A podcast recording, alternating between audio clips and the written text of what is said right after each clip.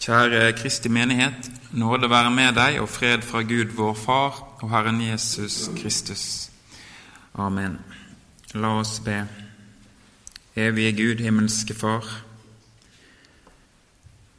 Vi takker deg for at vi kan samles enda en søndag i ditt hus under ditt ords hørelse.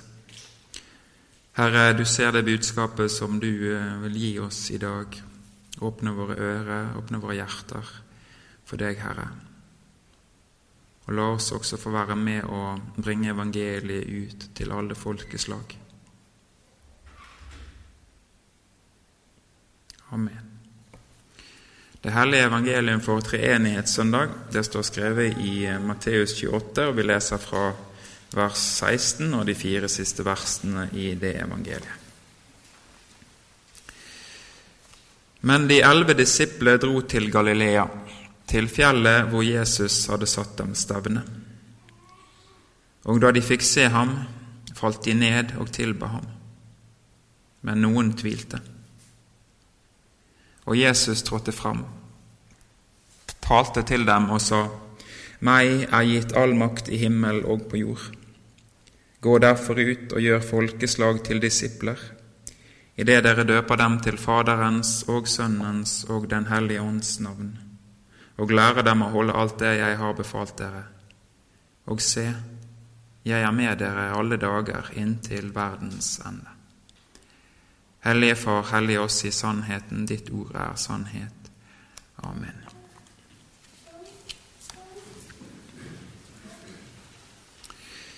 I dagens tekst så er vi tilbake igjen til hedningenes Galilea, til stedet der alt begynte, til eh, området der Jesus begynte sin gjerning, og der han kalte sine disipler til å følge ham. Og la oss huske på det. De menneskene han kalte, det var vanlige mennesker ganske like oss. Vanlige menn kalte han til denne oppgave om å gjøre alle folkeslag til disipler, til å gå ut og til å være menneskefiskere. Det er Jesus sjøl som har sendt disiplene til Galilea. Før sin død så ga han dem dette ordet at han skulle gå i forveien for dem til Galilea. Og etter den dramatiske påskeuken så har disiplene nå vendt hjemover. Og Vi kan lese om i Johannesevangeliet at noen av de hadde tatt opp igjen sin aktivitet som fiskere på Galilea. Matteus skriver ikke noe mer om dette. Han utdyper ikke dette. Men vi er her i dette området. Og det, dette er før disiplene da returnerer igjen til Jerusalem og ser han stige opp til himmelen fra Oljeberget. Misjonsbefalingen og dåpsbefalingen, som disse versene kalles, det skjer altså ikke i, i det religiøse sentrumet i Jerusalem. Denne byen den hadde alt fått sin dom, som vi leser tidligere i evangeliet, fordi de hadde forkastet Jesus. Og Treffende så er noe av det siste Matteus skildrer fra Jerusalem, det er, det er at de skjuler sannheten om Jesus gjennom løgn og korrupsjon. Og Det forteller oss noe om det religiøse vesen, den falske lære, den falske tro, hvordan de vil behandle sannheten. For å bevare seg sjøl så bruker de løgn og korrupsjon for å få frem sitt budskap, for å vinne. Så eh, Jesus sender de tilbake igjen til disiplenes hjemtrakter. Det er der han, det er der han treffer de denne gang. Og Det står at det var i hedningenes Galilea, i eh, landet litt utenfor Israels grenser. Riket det skal bre seg utover fra dette stedet til alle folkeslag. Og det begynner der som disiplet hører hjemme. Fjellet han kaller dem til, har ikke Matteus navngitt. Men det er et sted som disiplet mest sannsynlig kjenner, for de vet nok hvor han, hvor han mener. Fjellet det er jo stedet for Guds særlige åpenbaring. Så når misjonsbefalingen og dåpsbefalingen blir gitt på et fjell, så viser det noe av tyngden i det Gud vil ha frem. At dette det er ikke et, et, en vilkårlig befaling, dette er noe Gud eh, setter trykk på. Fjellet, ja, vi kan tenke på Sinanfjellet, der loven ble gitt, på Moriafjellet, der Abraham ble satt på prøve. Sionsfjellet, der Gud har bygget Jerusalem og sitt tempel. Ja, det er mange fjell i Det nye testamentet, og det er, det er viktige steder. Så det forteller oss noe om dette budskap. Ja, det er det stedet der Gud gir sin åpenbaring gjennom ord og gjennom handling. Og på dette fjell så byder han sine disipler. Gå ut og gjør alle folkeslag til mine disipler.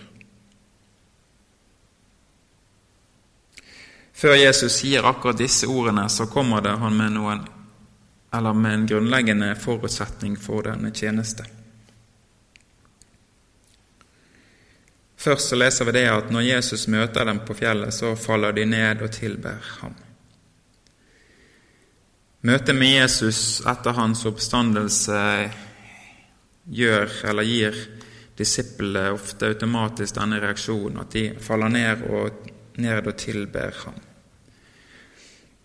Det er skapningen som møter sin skaper, sin Gud og sin Herre, og da er reaksjonen naturlig. For skapningen den kan ikke stå imot Gud når Han åpenbarer seg slik som Han gjør. Det står ingenting om at hans skikkelse var spesiell denne dagen. At han lyste, eller det var noe spesielt med han. At han strålte ut en særlig glans. Men vi kan anta at det er møtet med Hans ord som gjør det at de faller ned og tilber han, at de kjenner han der. Når han møter de med en hilsen enten med et frykt eller en annen hilsen ifra Gud. Så er, det, så er det ordet, møtet med ordet fra hans munn, som gir dem denne trangen til å falle ned og tilbe Han. Og så sto det men noen tvilte. Eh, det er et møte med den oppstandende Jesus som også skaper en undring i de i noen av de. En undring for ikke de kan forstå dette. De kan ikke forstå hvordan Jesus kan være den levende. Og Det ordet som er brukt om tvil her, det er slik som jeg forstår det, det er en antydning om en nøling, en reservasjon om å handle eller om å gå inn i noe. Kanskje for oss så kan det være nærliggende paralleller dette med å skulle stole på noen menneskers ord til oss i en situasjon der vi er redde for utfallet. F.eks. en kjærlighetsrelasjon. En, du hører en kjærlighetserklæring fra en person som blir gitt til deg, så kan vi stille oss spørsmålet er det sant, er det løgn? For det er et eller annet som vil koste oss svært mye å handle på dette hvis det skulle være noe usikkert i det. Det er noe av denne tvilen som ligger her i disiplenes hjerter. Vi har jo lest, eller vi kan lese om i Lukas 24 at noen av disiplene trodde Jesus var en ånd. Og Det forteller oss noe om at det er et eller annet her med den oppstandende Jesus som gjør de litt usikre. Altså, Er det et syn, det vi ser? Er det en ånd? Er det virkelig Han? Var møtene med Han en innbilning? Så de er bærere av dette tvilens og nølingenes vesen. Reservasjonen, distanseringen og bedømmingen. Som de har etter livets erfaringer. Jeg tipper du kan møte det sjøl også i din relasjon med Jesus, denne tvil. Kan jeg tro det ordet som han sier? er han den han sier. Så vi kjenner det igjen. Det er der. Vi mennesker vi har lært at det er ikke gull alt det som glitrer. Det er ikke sannhet alt det som blir sagt med et æresord. Og det er ikke alltid at en evighet betyr en evighet i menneskers munn. Vi blir skeptiske og forsiktige med årene. For hvert sår vi, vi pådrar oss, så trekker vi oss ofte mer inn i oss sjøl. Men eh, la oss i, i denne situasjonen huske Jesu ord om at vi må bli som barn. Da er relasjonen vår til Gud riktig. For barnet, det møter verden, møter sin, sine foreldre med, med tillit og åpenhet og med avhengighet. Der er det ikke noe tvil. Og slik skal vår relasjon til Gud være, at vi legger ned vår tvil og vår daglige overskepsis daglig, og at vi lar oss forvandle til det, det, til det barnlige sinnet i tillit til Han. Og Dette det kan vi ikke gjøre av oss sjøl, men det gjøres gjennom at vi i bønnens og ordets fellesskap blir, blir formet og påvirket av Guds ånds skapende kraft. Så står Jesus, eller så trer Jesus frem foran disiplene. Han stiller seg foran dem slik at han har blikkontakt med hver enkelt av dem. Og han ser dem inn i øynene når han taler til dem. At dette budskapet det er gitt til alle de elleve til de som skal være de nederste steinene her i Guds byggverk. Og Jesus trådte frem og talte til dem og sa:" Meg er gitt all makt i himmel og på jord. Jesus han begynner med å proklamere sin seier.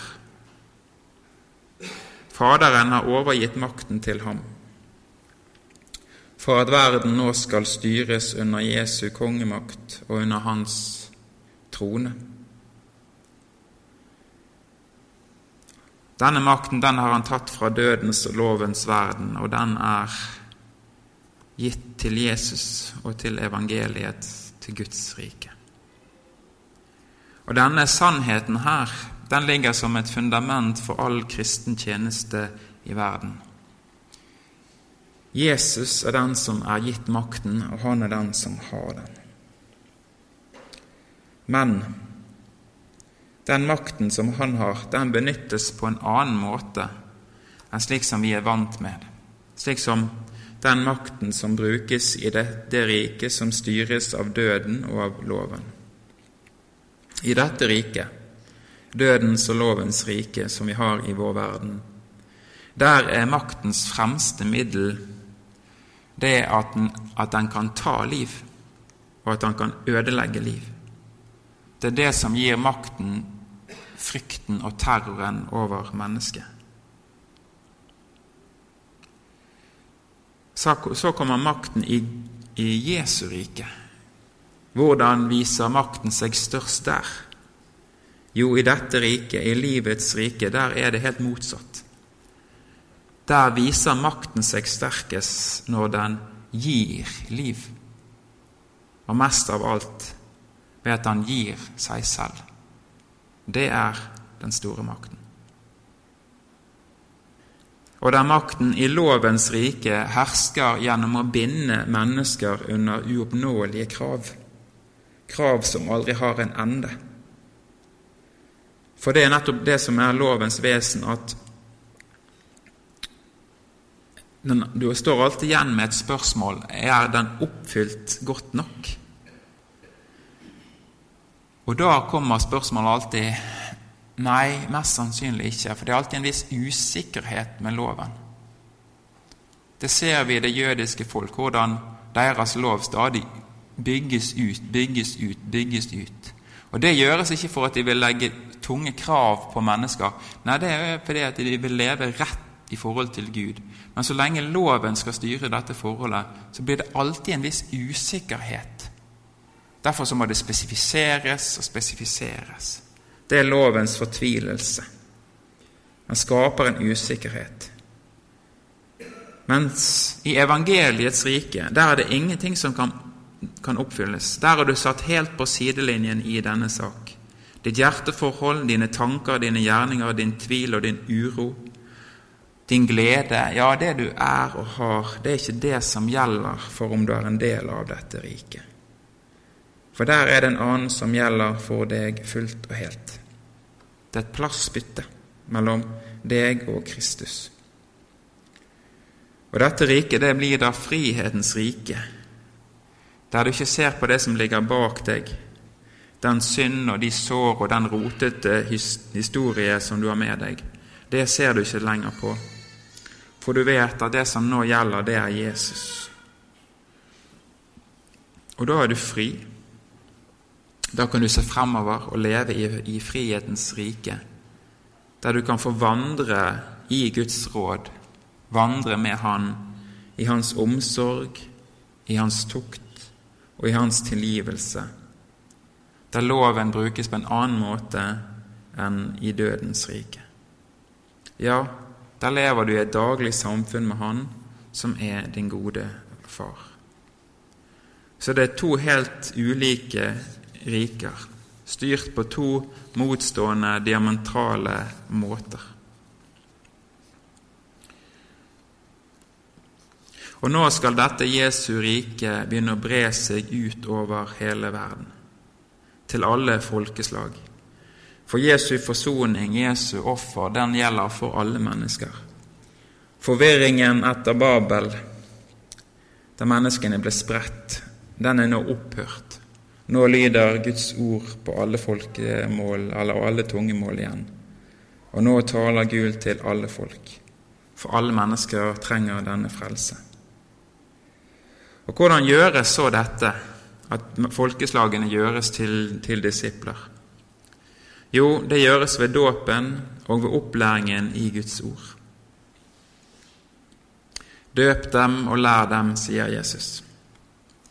Denne, slik som Jesus gir denne dåpsbefalingen, så er ordene sagt slik at dette er en, en pågående aktivitet.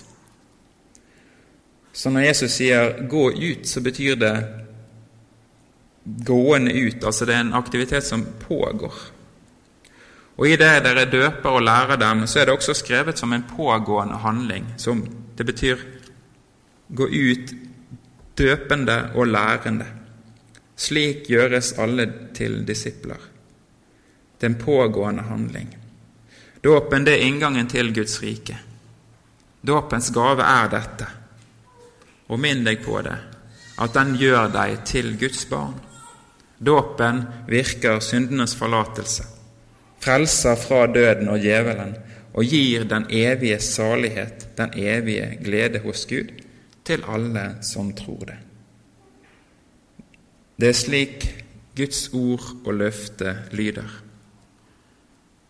Ved ordet og vannet så er det en ytre handling, så er dette Guds ytre handling med deg, som gjøres med deg eller ble gjort med deg, slik at du konkret kan holde fast på dette.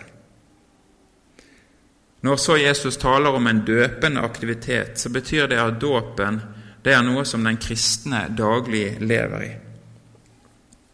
Den er stadig virkende i oss ved at den gamle Adam, vår syndige natur, som vi kjenner i oss hver dag, den, han blir druknet i Guds gaves vann.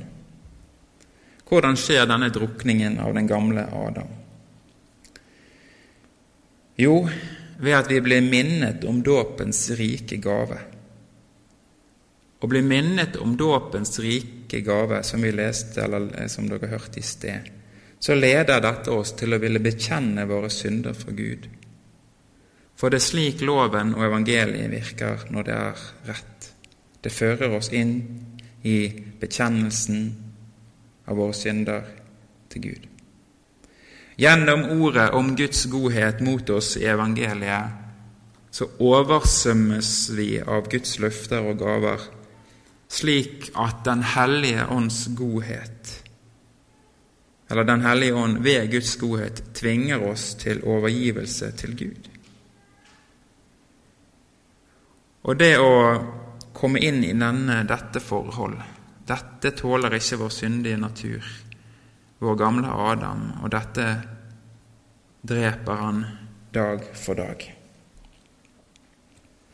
Sammen med dåpen så står så ordets tjeneste. Ved dette så bygges Guds rike eh, ut av folkeslagene. Gjennom at Jesu lære, lov og evangelium er, stadig, er en stadig pågående aktivitet som ikke vi blir ferdige eller fullkomne i. Gjennom ordet så virker Ånden og gjør, folke, gjør folkeslag til disipler. Det er ingen annen vekst som gir eh, eller det er ingen annen aktivitet som gir vekst til det livet som blir født av dåpen. Det er det liv som leves i Guds ord, både i loven og i evangeliet, som gir liv til den natur vi får i dåpen.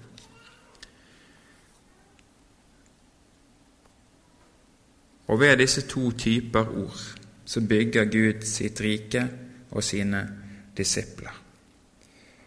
Hvordan skjer dette i våre liv? Paulus taler i Galaterbrevet om de to Abrahams sønner, Ismael og Isak. Og Dette er to arketyper på, av åndelighet, eller av tro.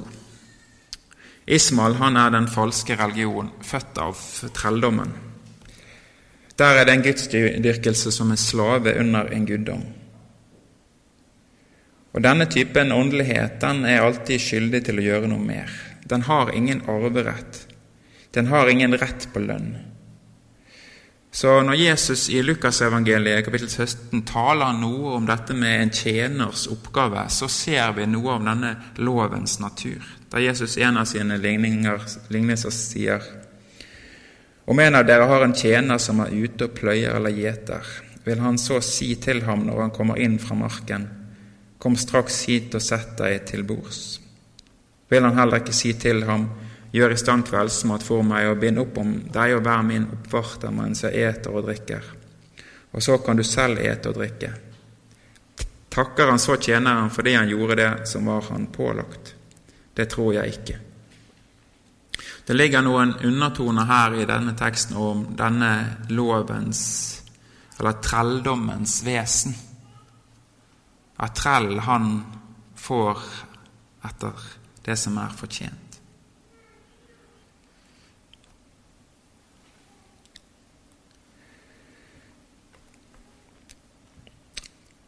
Dette er den tro som fødes på Sinais fjell, som vi finner i de andre religionene.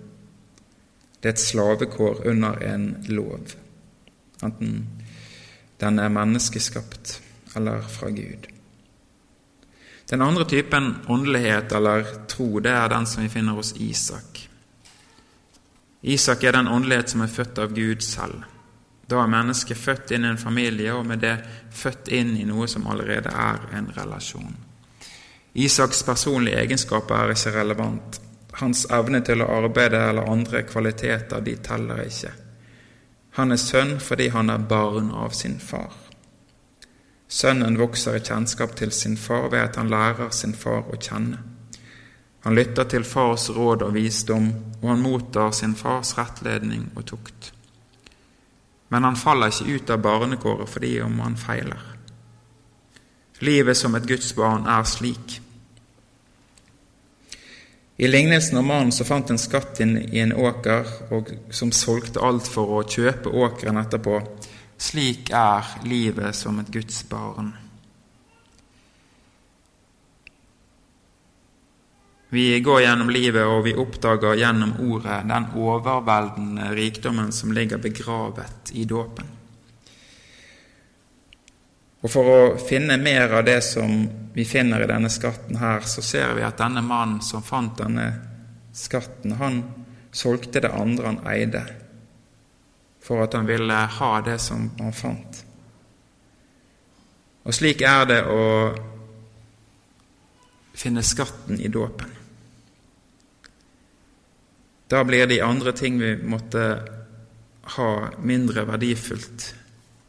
fordi vi ser hva vi egentlig har funnet, hva vi har fått.